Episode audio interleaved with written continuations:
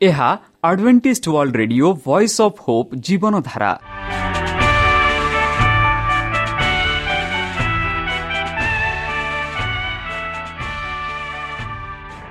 Odia radio କାର୍ଯ୍ୟକ୍ରମ ଯାହା ଆମର ଆନ୍ତର୍ଜାତୀୟ ଆଘାତ କେନ୍ଦ୍ରରୁ ପ୍ରସାରଣ କରାଯାଉଛି ପ୍ରତିଦିନ ରାତି ନଅଟା ତିରିଶ ମିନିଟ୍ରେ। ମୁଁ ସୁବ୍ରତ କୁମାର ପତି ପ୍ରେମର ସହ ଆପଣମାନଙ୍କୁ ଏହି କାର୍ଯ୍ୟକ୍ରମକୁ ସ୍ୱାଗତ କରୁଅଛି। ଚାଲନ୍ତୁ ଆଜିର ତିରିଶ ମିନିଟ୍ର କାର୍ଯ୍ୟକ୍ରମ ବିଷୟରେ ଜାଣିନେବା। ପ୍ରଥମେ ରଖିଛୁ ଆଧ୍ୟାତ୍ମିକ ଭକ୍ତିମୟ ଗୀତ।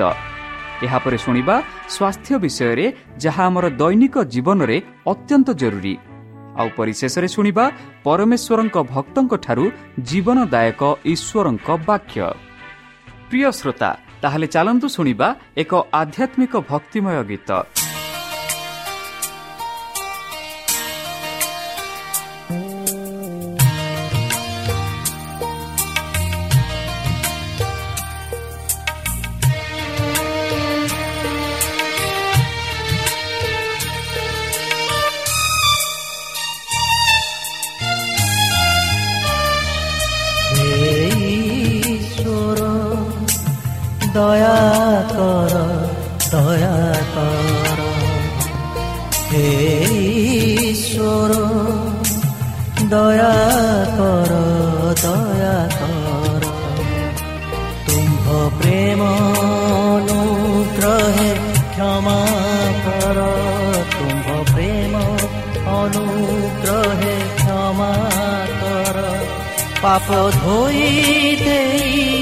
মতে সূচি কর হে ঈশ্বর দয়া কর দয়া কর হে ঈশ্বর দয়া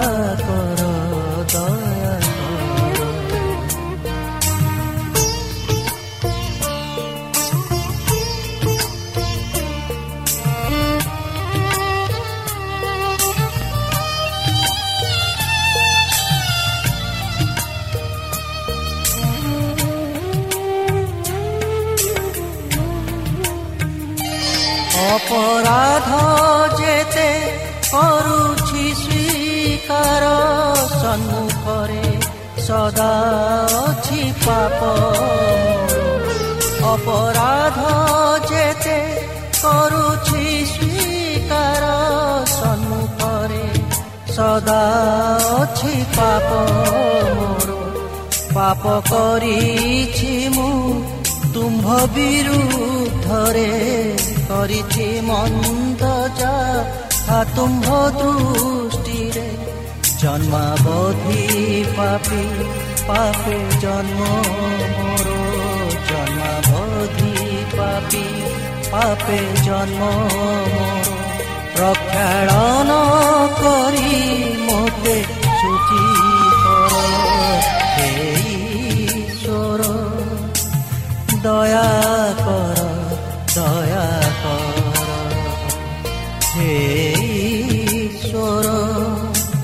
দয়া কর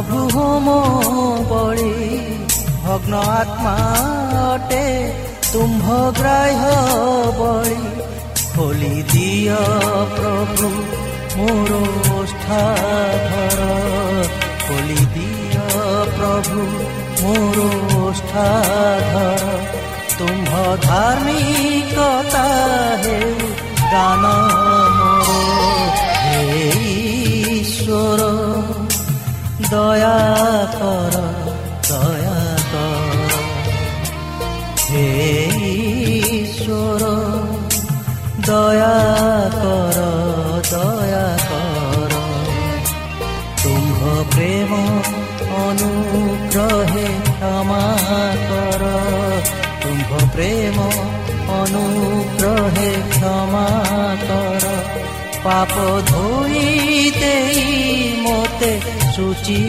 কর। হে ঈশ্বর দয়া কর।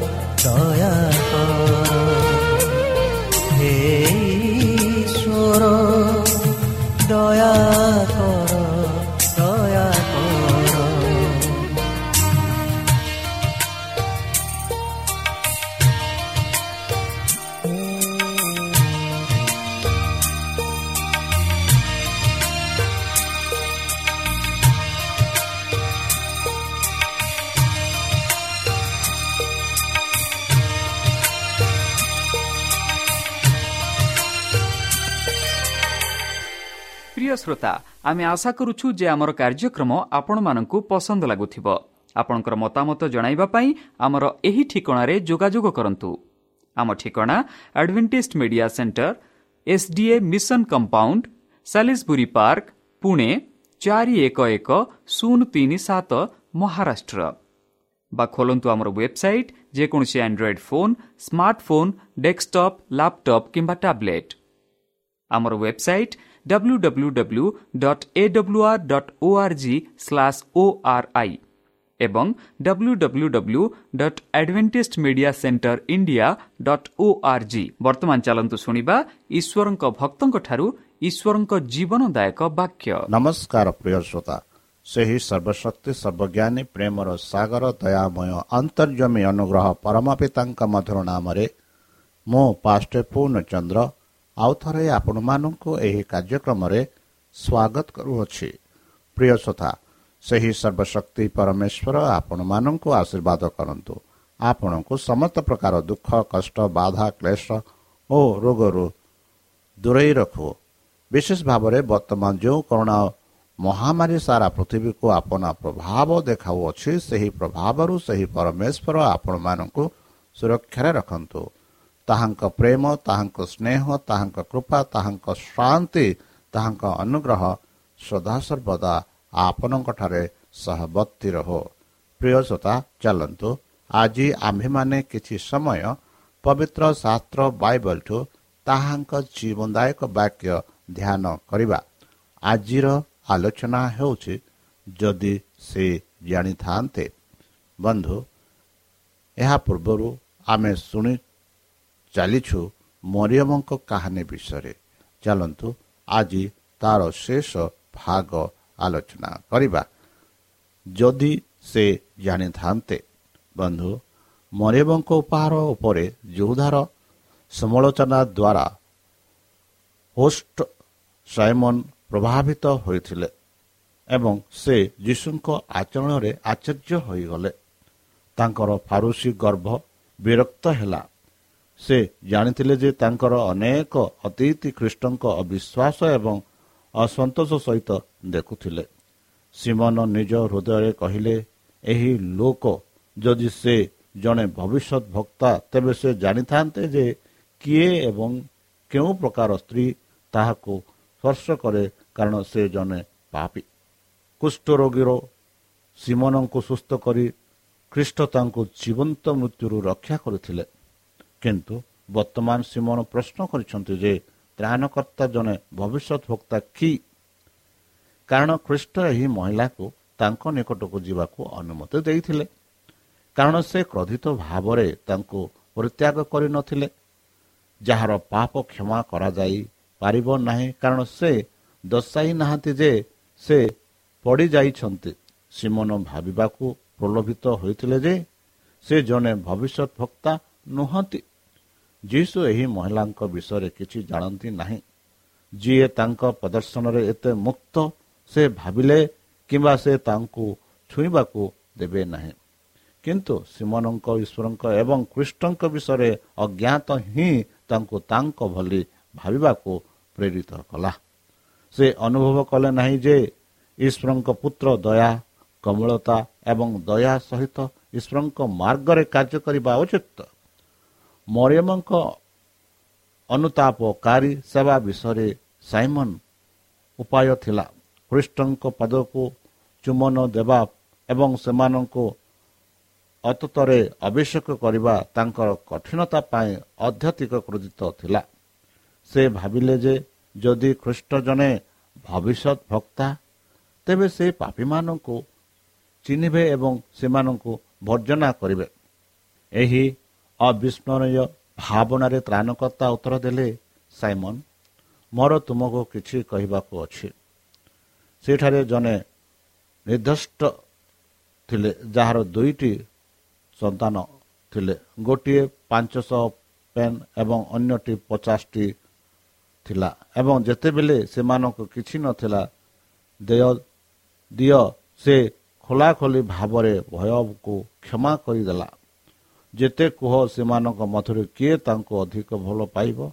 ସିମନ ଉତ୍ତର ଦେଲେ କହିଲେ ମୁଁ ଭାବୁଛି ଯେ ସେ ଯାହାକୁ ଅଧିକ କ୍ଷମା କରିଦେଇଛନ୍ତି ସେ ତାଙ୍କୁ କହିଲେ ତୁମେ ଠିକ୍ ବିଚାର କରିଛ। ଯେପରି ନାଥାନ ଦାଉଦଙ୍କ ସହିତ କହିଥିଲେ ଖ୍ରୀଷ୍ଟ ଏକ ଦୃଷ୍ଟାନ୍ତର ଅବରଣ ତଳେ ନିଜ ଘରକୁ ଲୁଚାଇ ରଖିଥିଲେ। ସେ ନିଜ ଉପରେ ବାକ୍ୟ ଉଚ୍ଚାରଣ କରିବାର ଭାର ବହନ କଲେ। ସିମନ ସେହି ସ୍ତ୍ରୀକୁ ପାପ କଲେ। ସେ ତାଙ୍କ ଦ୍ୱାରା ଗଭୀର ଅନ୍ୟାୟ କରିଥିଲେ। ଏହି ଦୃଷ୍ଟାନ୍ତର ଦୁଇ ସାଇମନ ଏବଂ ମହିଳାଙ୍କ ପ୍ରତିନିଧିତ୍ୱ କରିଥିଲା। ଦୁଇ ଜଣଙ୍କ କୌଣସି ବିଭିନ୍ନ ପ୍ରକାର ବାଧ୍ୟତାମୂଳକ ଅନୁଭବ କରାଯାଇପାରେ ନାହିଁ। କାରଣ ପ୍ରତ୍ୟେକଙ୍କ କୃତଜ୍ଞତାର କୌଣସି ଥିଲା ଯାହା କେବେ ପରିଶୋଧ ହୋଇପାରିବ ନାହିଁ। କିନ୍ତୁ ସିମନ ମରିୟମଙ୍କ ଅପେକ୍ଷା ନିଜକୁ ଅଧିକ ଧାର୍ମିକ ମନେ କରୁଥିଲେ ଏବଂ ଯୀଶୁ ତାଙ୍କ ଦୋଷ ପ୍ରକୃତରେ କେତେ ମହତ୍ଵ ତାହା ଦେଖିବା ପାଇଁ ଇଚ୍ଛା କଲେ। ସେ ତାଙ୍କୁ ଦେଖାଇବେ ଯେ ତାଙ୍କ ପାପ ତାଙ୍କଠାରୁ ଅଧିକ ପାଞ୍ଚଶହ ପଚାଶରୁ ଅଧିକ। ସାଇମନ ବର୍ତ୍ତମାନ ନିଜକୁ ଏକ ନୂତନ ଆଲୋକରେ ଦେଖିବା ଆରମ୍ଭ କଲେ ବନ୍ଧୁ। ସେ ଦେଖିଲେ ଯେ ଜଣେ ଭବିଷ୍ୟତ ଭକ୍ତାଙ୍କ ଅପେକ୍ଷା ମରିୟମଙ୍କ କିପରି ସମ୍ମାନ ଦିଆଗଲା। ସେ ଦେଖିଲେ ଯେ ଭବିଷ୍ୟତ ବାଣୀ ଆଖିରେ ଖ୍ରୀଷ୍ଟ ତାଙ୍କ ପ୍ରେମ ଭକ୍ତିର ହୃଦୟ ପଢ଼ିଛନ୍ତି ଲଜ୍ଜା ତାଙ୍କୁ ଧରିଲା ଏବଂ ସେ ଅନୁଭବ କଲା ଯେ ସେ ନିଜଠାରୁ ଜଣେ ଶ୍ରେଷ୍ଠ ବ୍ୟକ୍ତିଙ୍କ ଉପସ୍ଥିତିରେ ଅଛନ୍ତି। ଖ୍ରୀଷ୍ଟ କହିଲେ ମୁଁ ତୁମ ଗୃହରେ ପ୍ରବେଶ କଲି। ତୁମେ ମୋତେ ମୋର ପାଦ ପାଇଁ ଜଳ ଦେଇନାହିଁ। କିନ୍ତୁ ଅନୁତାପର ଲୁହରେ ପ୍ରେମ ଦ୍ୱାରା ପ୍ରେରିତ ମରିୟମ ମୋର ପାଦ ଧୋଇଛନ୍ତି ଏବଂ ସେ ମୁଣ୍ଡର କେଶରେ ପୋଛି ଦେଇଛନ୍ତି। ତୁମେ ମୋତେ ଚୁମନ ଦେଇନାହଁ କିନ୍ତୁ ଏହି ମହିଳା ଯାହାକୁ ତୁମେ ଘୃଣା କର ମୁଁ ଆସିବା ଦିନଠାରୁ ମୋର ପାଦ ଚୁମନ କରିନାହିଁ ବନ୍ଦ କରିନାହିଁ ସିମନଙ୍କୁ ତାଙ୍କ ପ୍ରଭୁଙ୍କ ପ୍ରତି ତାଙ୍କର ପ୍ରେମ ଦେଖାଇବାକୁ ଏବଂ ତାଙ୍କ ପାଇଁ ଯାହା କରାଯାଇଥିଲା ତାହା ପ୍ରତି କୃତଜ୍ଞତା ଜଣାଇବାକୁ ଖ୍ରୀଷ୍ଟ ବର୍ଣ୍ଣନା କରିଥିଲେ। ସରଳ ଭାବରେ ତଥାପି ସୁଗ୍ନ ଭଦ୍ରତା ସହିତ ତ୍ରାଣକତା ତାଙ୍କ ଶିଷ୍ୟମାନଙ୍କୁ ଆଶ୍ୱାସନା ଦେଇଛନ୍ତି ଯେ ଯେତେବେଳେ ତାଙ୍କ ପିଲାମାନେ ପ୍ରେମ ଏବଂ କାର୍ଯ୍ୟ ଦ୍ୱାରା ତାଙ୍କୁ କୃତଜ୍ଞତା ଜଣାଇବାକୁ ଅବହେଳା କରନ୍ତି ସେତେବେଳେ ତାଙ୍କ ହୃଦୟ ଦୁଃଖିତ ହୁଏ। ସନ୍ଧାନକାରୀ ମରିୟମଙ୍କ କାର୍ଯ୍ୟକୁ ନେଇଥିବା ଉଦ୍ଦେଶ୍ୟ ପଡ଼ିଥିଲେ ଏବଂ ସେ ମଧ୍ୟ ଆତ୍ମାକୁ ଦେଖିଥିଲେ ଯାହା ସାଇମନଙ୍କ କଥାରୁ ପ୍ରୋତ୍ସାହିତ କରିଥିଲା। ତୁମେ ଏହି ସ୍ତ୍ରୀ ଲୋକକୁ ଦେଖୁଛ କି? ସେ ତାହାକୁ କହିଲେ ସେ ଜଣେ ପାପି। ମୁଁ ତୁମକୁ କହୁଛି ତାଙ୍କର ଅନେକ ପାପ କ୍ଷମା କରାଯାଇଛି। କାରଣ ସେ ବହୁତ ଭଲ ପାଉଥିଲେ। କିନ୍ତୁ କାହାକୁ କ୍ଷମା କରାଯାଇଥାଏ ସେ ସେମାନଙ୍କ ପ୍ରେମ କରେ। ସାଇମନ ଶୀତଳତା ଏବଂ ତ୍ରାଣକର୍ତ୍ତାଙ୍କ ପ୍ରତି ଅବହେଳା ଦର୍ଶାଇଲା ଯେ ସେ ପାଇଥିବା ଦୟାଲୁ ସେ କେତେ ପ୍ରଶଂସା କରିଥିଲେ। ସେ ଭାବିଥିଲେ ଯେ ସେ ଯୀଶୁଙ୍କୁ ତାଙ୍କ ଘରକୁ ନିମନ୍ତ୍ରଣ କରି ସମ୍ମାନିତ କରିଛନ୍ତି କିନ୍ତୁ ସେ ବର୍ତ୍ତମାନ ନିଜକୁ ପ୍ରକୃତରେ ଦେଖିଲେ। ସେ ନିଜକୁ ନିଜ ଅତୀତ ପଡ଼ିଥିଲେ ତାଙ୍କ ଅତୀତ ତାଙ୍କୁ ପହଞ୍ଚିଥିଲେ। ସେ ଦେଖିଲେ ଯେ ଖ୍ରୀଷ୍ଟଙ୍କ ବିଷୟରେ ତାଙ୍କ ବିଚାର କେତେ ସତ୍ୟ ଅଟେ। ତାଙ୍କର ଧର୍ମ ପାରୁଷୀ ଧର୍ମର ପୋଷାକ ଥିଲା। ସେ ଯୀଶୁଙ୍କ କରୁଣାକୁ ଘୃଣା କରୁଥିଲେ। ସେ ତାଙ୍କୁ ଈଶ୍ୱରଙ୍କ ପ୍ରତିନିଧିତ୍ୱ ଭାବେ ଚିହ୍ନି ନଥିଲେ। ମରିୟମ ଜଣେ ପାପି କ୍ଷମା ହୋଇଥିବା ବେଳେ ସେ କ୍ଷମାହୀନ ପାପି ଥିଲେ। ସେ ତାଙ୍କ ବିରୁଦ୍ଧରେ କାର୍ଯ୍ୟ କରିବାକୁ ଚାହୁଁଥିବା ନ୍ୟାୟର କଠୋର ନିୟମ ତାଙ୍କୁ ନିନ୍ଦା କରିଥିଲା। ବନ୍ଧୁ ଅତିଥିମାନଙ୍କ ଆଗରେ ତାଙ୍କୁ ଖୋଲାଖୋଲି ଭାବେ ବର୍ଜନ ନ କରି ଯୀଶୁଙ୍କ ଦୟା ଦ୍ୱାରା ସେ ମନ ସ୍ପର୍ଶ କଲେ। ସେ ମରିୟମଙ୍କ ଚିକିତ୍ସା କରିବାକୁ ଚାହୁଁଥିବାରୁ ତାଙ୍କୁ ଚିକିତ୍ସା କରାଯାଇ ନଥିଲା। ସେ ଦେଖିଲେ ଯେ ଯୀଶୁ ନିଜ ଦୋଷକୁ ଅନ୍ୟମାନଙ୍କ ନିକଟରେ ପ୍ରକାଶ କରିବାକୁ ଇଚ୍ଛା କରୁନାହାନ୍ତି। କିନ୍ତୁ ତାଙ୍କ ମନକୁ ବିଶ୍ୱାସ କରିବା ପାଇଁ ଏବଂ ତାଙ୍କ ହୃଦୟକୁ ବଶୀଭୂତ କରିବା ପାଇଁ ଦୟା ଦେଖାଇ ମାମଲାର ପ୍ରକୃତ ବିବୃତ୍ତି ଖୋଜିଥିଲେ। ଟ୍ରଷ୍ଟ ନିନ୍ଦା ସାୟମାନଙ୍କୁ ଅନୁତାପ ବିରୁଦ୍ଧରେ କଠିନ କରିଥିଲା କିନ୍ତୁ ଧୈର୍ଯ୍ୟର ପରାମର୍ଶ ତାଙ୍କୁ ତାଙ୍କ ତ୍ରୁଟି ବିଷୟରେ ନିଶ୍ଚିତ କରିଥିଲା। ସେ ଦେଖିଲେ ଯେ ସେ ପ୍ରଭୁଙ୍କର କୌଣସି ପରିଶୋଧ କରିଥିଲେ ତାଙ୍କ ଗର୍ଭ ନମ୍ର ହେଲା। ସେ ଅନୁତାପ କଲେ ଏବଂ ଗର୍ଭୀ ପାରୁଷୀ ଜଣେ ନମ୍ର ଆତ୍ମନିର୍ଭରଶୀଳ ଶିଷ୍ୟ ହେଲେ। ବନ୍ଧୁ ମରିୟମଙ୍କ ଜଣେ ବଡ଼ ପାପି ଭାବରେ ଦେଖାଯାଇଥିଲା। କିନ୍ତୁ ଖ୍ରୀଷ୍ଟ ଜାଣିଥିଲେ ଯାହା ତାଙ୍କ ଜୀବନକୁ ପ୍ରଭାବିତ କରିଛି। ସେ ହୁଏତ ତାଙ୍କ ପ୍ରାଣର ଥିବା ପ୍ରତ୍ୟେକ ଭରସାକୁ ଲିଭାଇ ନେଇଥାନ୍ତେ କିନ୍ତୁ ସେ ତାହା କରିନଥିଲେ। ସେ ହିଁ ତାଙ୍କ ନିରାଶ ବିନାଶରୁ ଉଠାଇ ନେଇଥିଲେ। ସାତଥର ସେ ଭୂତମାନଙ୍କ ଦାଗ୍ର ଶୁଣିଥିଲେ ଯାହା ତାଙ୍କ ହୃଦୟ ଏବଂ ମନକୁ ନିୟନ୍ତ୍ରଣ କରୁଥିଲା। ସେ ତାଙ୍କ ପାଇଁ ପିତାଙ୍କ ନିକଟରେ ତାଙ୍କର ପ୍ରବଳ କ୍ରନ୍ଧନ ଶୁଣିଥିଲେ। ସେ ଜାଣିଥିଲେ ଯେ ତାଙ୍କର ଅପରିଷ୍କାର ଶୁଦ୍ଧତା ପାଇଁ ପାପ କେତେ ଅବିଜନକ ଏବଂ ତାଙ୍କ ଶକ୍ତିରେ ସେ ପରାଜିତ ହୋଇଥିଲେ। ଯେତେବେଳେ ମଣିଷ ଆଖିରେ ତାଙ୍କ ମାମଲା ଆଶାହୀନ ଦେଖାଗଲା ଖ୍ରୀଷ୍ଟବରୀୟଙ୍କ ସାମର୍ଥ୍ୟରେ ଭଲ ପାଇଁ ଦେଖିଲେ ସେ ତାଙ୍କ ଚରିତ୍ର ଉତ୍ତମ ଗୁଣ ଦେଖିଥିଲେ। ମୁକ୍ତର ଯୋଜନା ମାନବିକତାକୁ ବହୁ ସମ୍ଭାବନା ସହିତ ବିନିଯୋଗ କରନ୍ତି ଏବଂ ମରିୟମରେ ଏବଂ ସମ୍ଭାବନା ଗୁଡ଼ିକ ହାସଲ ହେବା ଆବଶ୍ୟକ। ତାଙ୍କ ଅନୁଗ୍ରହ ଦ୍ୱାରା ସେ ଈଶ୍ୱରଙ୍କ ଈଶ୍ୱରୀୟ ପ୍ରକୃତିର ଅଂଶୀଦାର ହେଲେ ଯିଏ ପଡ଼ିଯାଇଥିଲା ଏବଂ ଯାହାର ମନ ଭୂତମାନଙ୍କ ବାସସ୍ଥାନ ଥିଲା। ସହଭାଗିତା ଏବଂ ସେବାରେ ତ୍ରାଣକର୍ତ୍ତାଙ୍କ ନିକଟକୁ ଅତି ନିକଟତରେ ହେଲେ। ମରିୟମ ହିଁ ତାଙ୍କ ପାଦ ତଳେ ବସି ତାଙ୍କ ବିଷୟରେ ଜାଣିଥିଲେ। ମରିୟମ ହିଁ ତାଙ୍କ ମୁଣ୍ଡରେ ବହୁମୂଲ୍ୟ ବିଶେଷ ତୈଳ ଢାଲିଦେଲେ ଏବଂ ତାଙ୍କ ଲୁହରେ ପାଦ ସ୍ନାନ କଲେ। ମରିୟମ କୃଷ ପାଖରେ ଠିଆ ହୋଇ କବର ନିକଟକୁ ଗଲେ। ମରିୟମ ପୁନରୁତ୍ଥାନ ପରେ ପ୍ରଥମ କବରରେ ଥିଲେ। ମରିୟମ ହିଁ ପ୍ରଥମ ପୁନରିତ ତ୍ରାଣକର୍ତ୍ତା ଘୋଷଣା କଲେ। ଯୀଶୁ ପ୍ରତ୍ୟେକ ପ୍ରାଣର ପରିଚିତି ଜାଣନ୍ତି। ଆପଣ କହିପାରନ୍ତି ମୁଁ ପାପି ବହୁତ ପାପି। ଆପଣ ହୋଇପାରେ? କିନ୍ତୁ ତୁମେ ଯେତେ ଖରାପ ତୁମେ ଯୀଶୁଙ୍କ ଅଧିକ ଆବଶ୍ୟକ କରୁଛ। ସେ କାନ୍ଦିବାକୁ ପାରନ୍ତି ନାହିଁ ସେ ଯାହା କିଛି ପ୍ରକାଶ କରିପାରନ୍ତି ତାହା ସମସ୍ତଙ୍କୁ କହନ୍ତି ନାହିଁ କିନ୍ତୁ ସେ ପ୍ରତ୍ୟେକ କମ୍ପିତ ପ୍ରାଣକୁ ସାହସ କରିବାକୁ ଆଦେଶ ଦିଅନ୍ତି କ୍ଷମା ଏବଂ ପୁନରୁଦ୍ଧାର ପାଇଁ ତାଙ୍କ ନିକଟକୁ ଆସୁଥିବା ସମସ୍ତଙ୍କୁ ସେ ମୁକ୍ତ ଭାବରେ କ୍ଷମା କରିବେ। ବନ୍ଧୁ ଖ୍ରୀଷ୍ଟ ହୁଏତ ସ୍ୱର୍ଗଦୂତମାନଙ୍କ ଆମ କ୍ରୋଧର ପାତ୍ର ଗୁଡ଼ିକ ଆମ ଦୁନିଆରେ ଲିଭାବୁ ଯେଉଁମାନେ ଈଶ୍ୱରଙ୍କ ଘୃଣାରେ ପରିପୂର୍ଣ୍ଣ ଲୋକଙ୍କୁ ବିନାଶ କରିବାକୁ ନିର୍ଦ୍ଦେଶ ଦେଇପାରନ୍ତି। ସେ ହୁଏତ ଏହି ବ୍ରହ୍ମାଣ୍ଡକୁ ତାଙ୍କ ବ୍ରହ୍ମାଣ୍ଡରୁ ପୋଛି ପାରିବେ କିନ୍ତୁ ସେ ଏହା କରନ୍ତି ନାହିଁ। ସେ ଆଜି ଧୂପ ଦେବୀ ନିକଟରେ ଠିଆ ହୋଇଛନ୍ତି। ଯେଉଁମାନେ ତାଙ୍କ ସାହାଯ୍ୟ ଚାହୁଁଛନ୍ତି ସେମାନଙ୍କ ପ୍ରାର୍ଥନା ଈଶ୍ୱରଙ୍କ ନିକଟରେ ଉପସ୍ଥାପନା କରୁଛନ୍ତି। ଯେଉଁ ଆତ୍ମା ମାନେ ଆଶ୍ରୟ ନେବାକୁ ତାଙ୍କ ନିକଟକୁ ଫେରି ଆସନ୍ତି ଯୀଶୁ ସେମାନଙ୍କୁ ଗ୍ରହଣ କରୁଛନ୍ତି।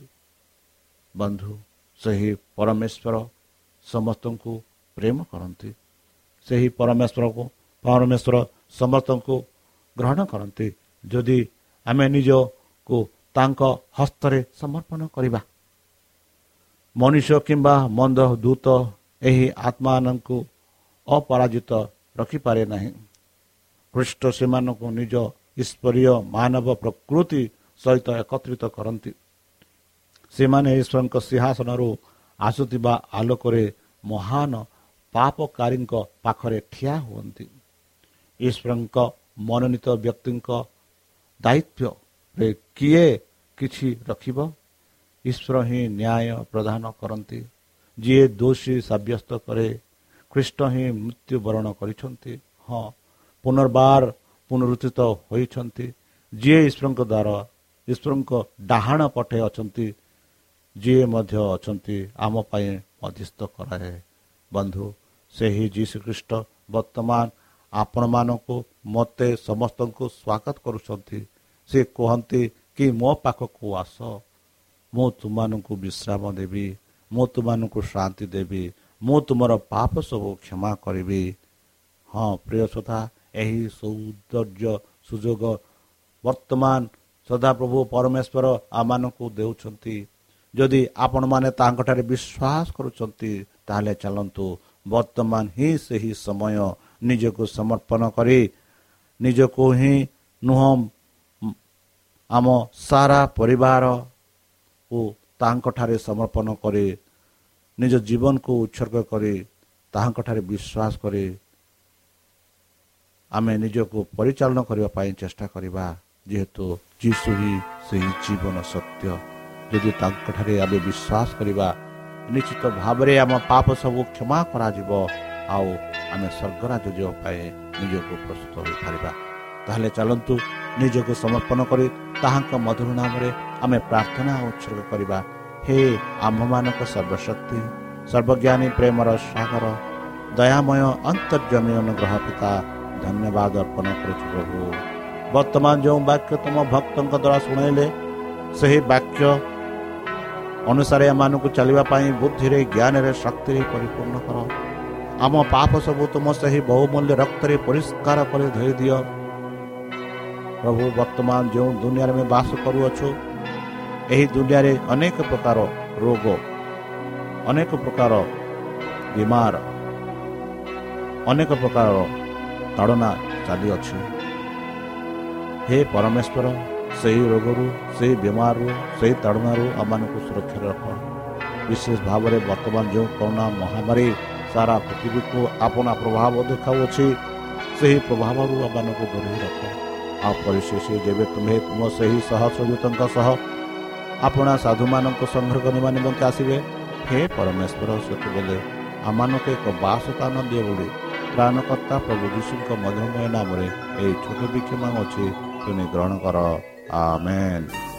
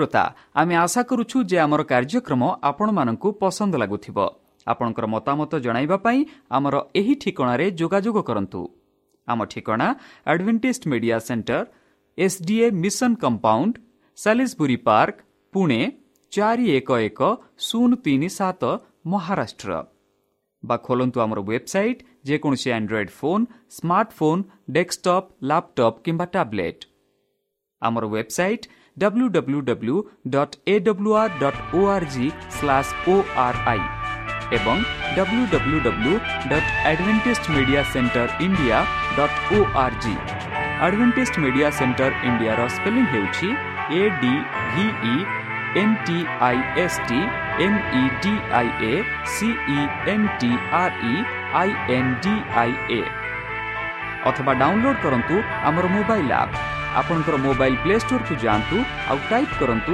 ଦ ଭଏସ୍ ଅଫ୍ ପୋପ୍ ଆଉ ଡାଉନଲୋଡ୍ କରନ୍ତୁ। ଈଶ୍ୱର ଆପଣଙ୍କୁ ଆଶୀର୍ବାଦ କରନ୍ତୁ। ଧନ୍ୟବାଦ।